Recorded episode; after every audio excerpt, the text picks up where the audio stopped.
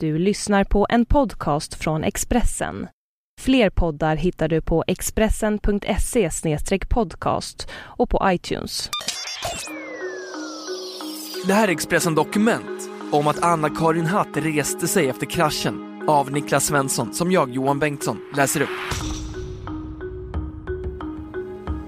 Stefan Löfven är oförskämd och odemokratisk.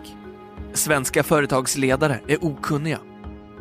Och snart ska medlemmarna i Kinas kommunistparti få sina fiskar varma. Anna-Karin Hatt, 40, lurade i veckan regimen i Peking och bröt mot landets censurregler.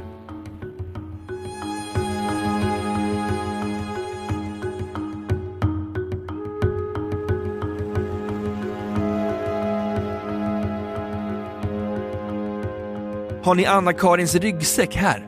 Vi behöver kärnvapenkoderna. IT och energiminister Anna-Karin Hatts pressekreterare Jonas Johansson skämtar och alla i minibussen, även Jörgen Haldin, generalkonsul i Hongkong, bryter ihop av skratt. Nej, så betydelsefull är hon inte. Den svenska regeringsdelegationen har stannat i vägtullen utanför mångmiljonstaden Kanton i Guangdong-provinsen i södra Kina. Bara den här staden motsvarar ett och ett halvt Sverige i antal invånare. Regionen är en av världens största när det gäller tillväxt. Samtidigt är fattigdomen utbredd och villkoren i de enorma fabrikerna är fruktansvärda. Så sent som förra året hotade 300 arbetare på Foxconn, ett företag som tillverkar elektronik åt bland andra Microsoft, Apple, Dell och Sony, att ta livet av sig i fabriken i Shenzhen 2010 tog 17 arbetare livet av sig i samma fabrik. De hoppade från taket. Fabriksledningen agerade och täckte för alla fönster, trappor och tak med taggtrådsstängsel. Det här är staden med världens högsta bostadspriser. Prisrekordet för en parkeringsplats sattes nyligen. 3 miljoner kronor. En tvårumslägenhet går loss på åtminstone 10 miljoner kronor. Och då har ändå Hongkong världsrekord i antalet skyskrapor, som är mer än 100 meter höga. Och manliga arvingar i ett visst område har rätt att bygga varsin trevåningsvilla på mark som de får av staten. Kvinnorna? Nej, de får inget, berättar generalkonsulen. Trots att det på sina håll bor 40 000 människor per kvadratkilometer är 70 procent av Hongkongs yta fortfarande obebyggd, enligt Jörgen Haldin. Hur tänkte jag egentligen när jag valde att resa till Hongkong och bo i en hög skyskrapa? Jag är ju höjdrädd, säger ministern. För något år sedan bodde hennes äldsta dotter med sin pappa i Kenias huvudstad, Nairobi. Anna-Karin Hatt var där på besök och hälsade på. Vi befann oss på taket till en skyskrapa på 33 våningen när vi plötsligt såg brandbilar anlända nedanför. En stund senare hörde vi brandlarmet. Det blev en dramatisk flykt in i en mörk trappa. Det var ett verkligt drama, berättar hon. När fotografen Robban Andersson vill att ministern är naturlig och inte bara tittar in i kameran plockar hon snabbt fram mobiltelefonen och börjar fotografera skyskrapor. Via universitetets Gangnam Style Garage, där Hatt fotograferar en mini-elbil med sin mobiltelefon, går färden till ett sömnigt möte på Hongkongbörsen där delegationen serveras varmt vatten och en timmes föreläsning om hur systemen för handel ska förändras med hjälp av Nasdaq OMX.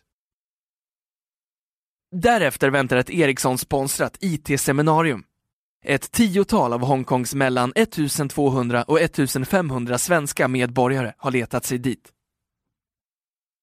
Anna-Karin Hatt konstaterar i sitt tal att Sverige är 400 gånger större än Hongkong, men länderna har nästan lika många invånare. Seminariedeltagarna får också veta att Spotify är svenskt, liksom Skype och Minecraft. Jag använder Spotify hela tiden, jag älskar det. Har ni inte prövat det, gör det idag, säger Anna-Karin Hatt. Vid gränskontrollen tar det stopp. Pressekreteraren Jonas Johansson har skaffat skägg och ser därför inte ut som på passbilden. Förvirring utbryter bland de kinesiska kontrollanterna i byggnaden och delegationen blir stående en bra stund innan passen lämnas tillbaka och minibussarna kan fortsätta. IT och energiminister Anna-Karin Hatt är nu i Kina för första gången. Det finns stora möjligheter för oss att öka vår export till Kina ännu mer. Det hoppas jag kunna bidra till med den här resan, säger hon. Hos telekomjätten Huawei, Ericssons värsta konkurrent med över 150 000 anställda, bjuds ministern på kaffe och kakor och får en scarf i present. Vi vet ju att ni i Sverige inte får ta emot gåvor för mer än 500 kronor, säger Huawei-direktören med ett gapskratt.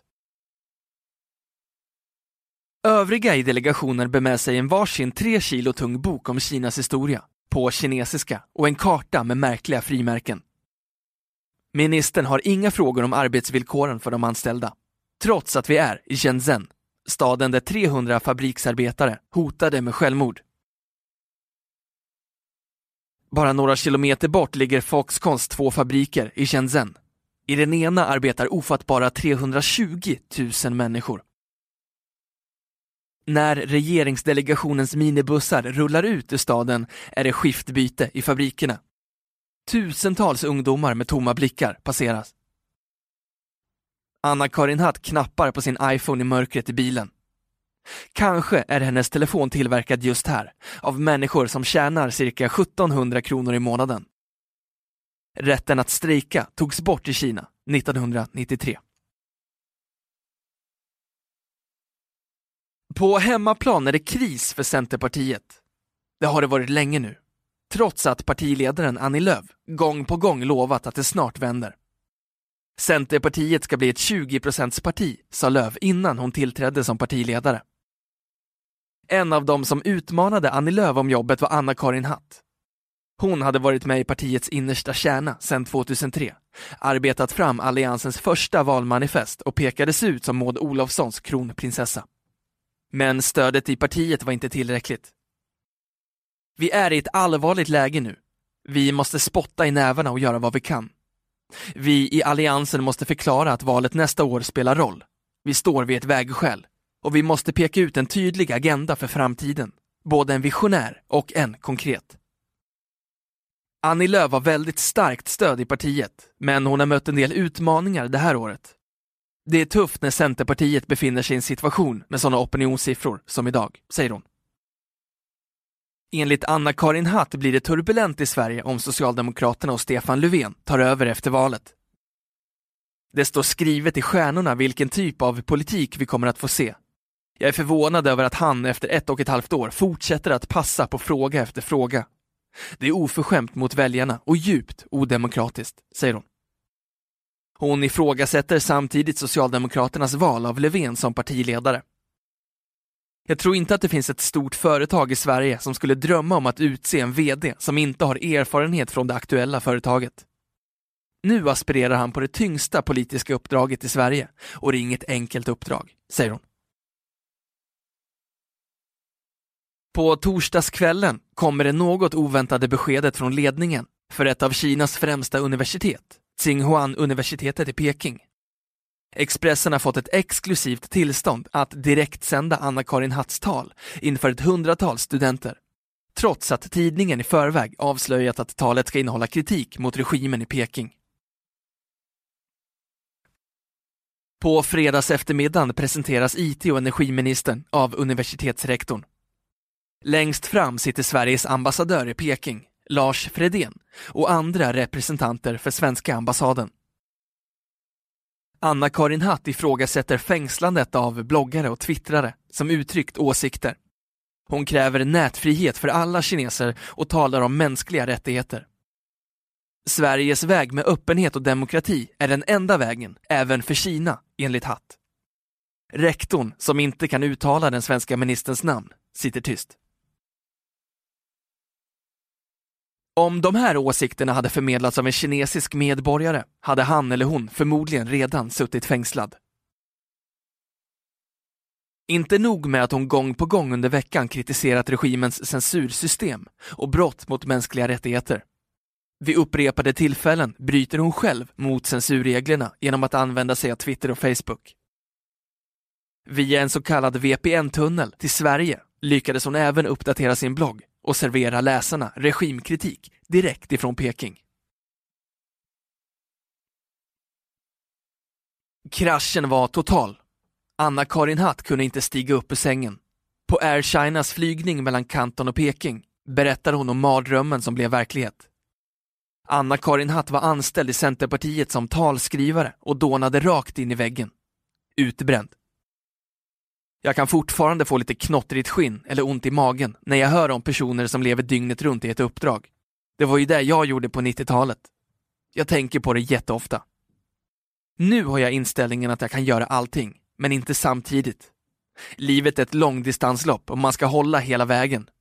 Dessutom blir man en bättre beslutsfattare om man har ett helt liv. Egentligen skulle hon inte bli politiker. Anna-Karin Hatts mamma var ensamstående med tre barn och samtidigt fritidspolitiker för Centerpartiet hemma i Hylte i Småland. Jag var yngst och har växt upp på Centerpartiets årsmöten och kretsmöten. Jag stickade evighetslånga halsdukar och har blivit väldigt bra på att sticka. Men det jag såg var ju att mamma var borta från familjen. Det krävde ganska mycket. Men politiker blev hon, ändå. Så hur är det med det egna samvetet inför barnen där hemma, 15, 10 och 2 år gamla? Man är ju omänsklig om man aldrig har dåligt samvete. Det är klart att jag ibland skulle vilja vara på flera ställen samtidigt. Är man förälder och har en bra relation till sina barn, då vill man ju egentligen vara med dem jämt. Men barnen mår ju bra av att inte alltid behöva vara med sina föräldrar. Ibland handlar det om att släppa taget, säger hon. På sina resor håller hon kontakten med dem via Skype och sms. Jag överöser inte dem med presenter som kompensation. Istället försöker jag ge dem full uppmärksamhet när jag är hemma. Det handlar om att vara närvarande och inte bry sig om telefonen eller datorn. Lördag eftermiddag i centrala Peking. Den officiella delen av ministerns Asienresa är nu avslutad. Tillsammans med de närmaste medarbetarna är Anna-Karin Hatt på väg till kinesiska muren för sightseeing. En bilresa från hotellet på drygt två timmar. Hon berättar om morgonens möte med ett antal kinesiska energi och miljöexperter. Det var mycket intressant. De hade många goda idéer och funderingar. Men det saknas kunskap, pengar och demokrati i det här stora landet, säger ministern som Kina hade satt i fängelse, om hon nu var kines.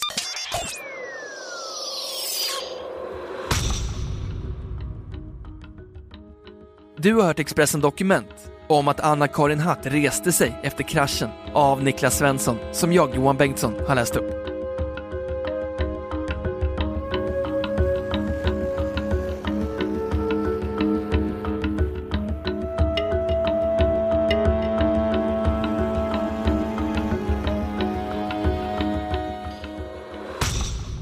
Du har lyssnat på en podcast från Expressen. Ansvarig utgivare är Thomas Mattsson. Fler poddar finns på Expressen.se och på iTunes. Ett poddtips från Podplay. I podden Något Kaiko garanterar östgötarna Brutti och jag, Davva, dig en stor dos skratt. Där följer jag pladask för köttätandet igen. Man är lite som en jävla vampyr. Man har fått lite blodsmak och då måste man ha mer. Udda spaningar, fängslande anekdoter och en och annan arg rant. Jag måste ha mitt kaffe på morgonen för annars är jag ingen trevlig människa. Då är du ingen trevlig människa, punkt. Något Kaiko, hör du på Podplay. Därför är gardinerna.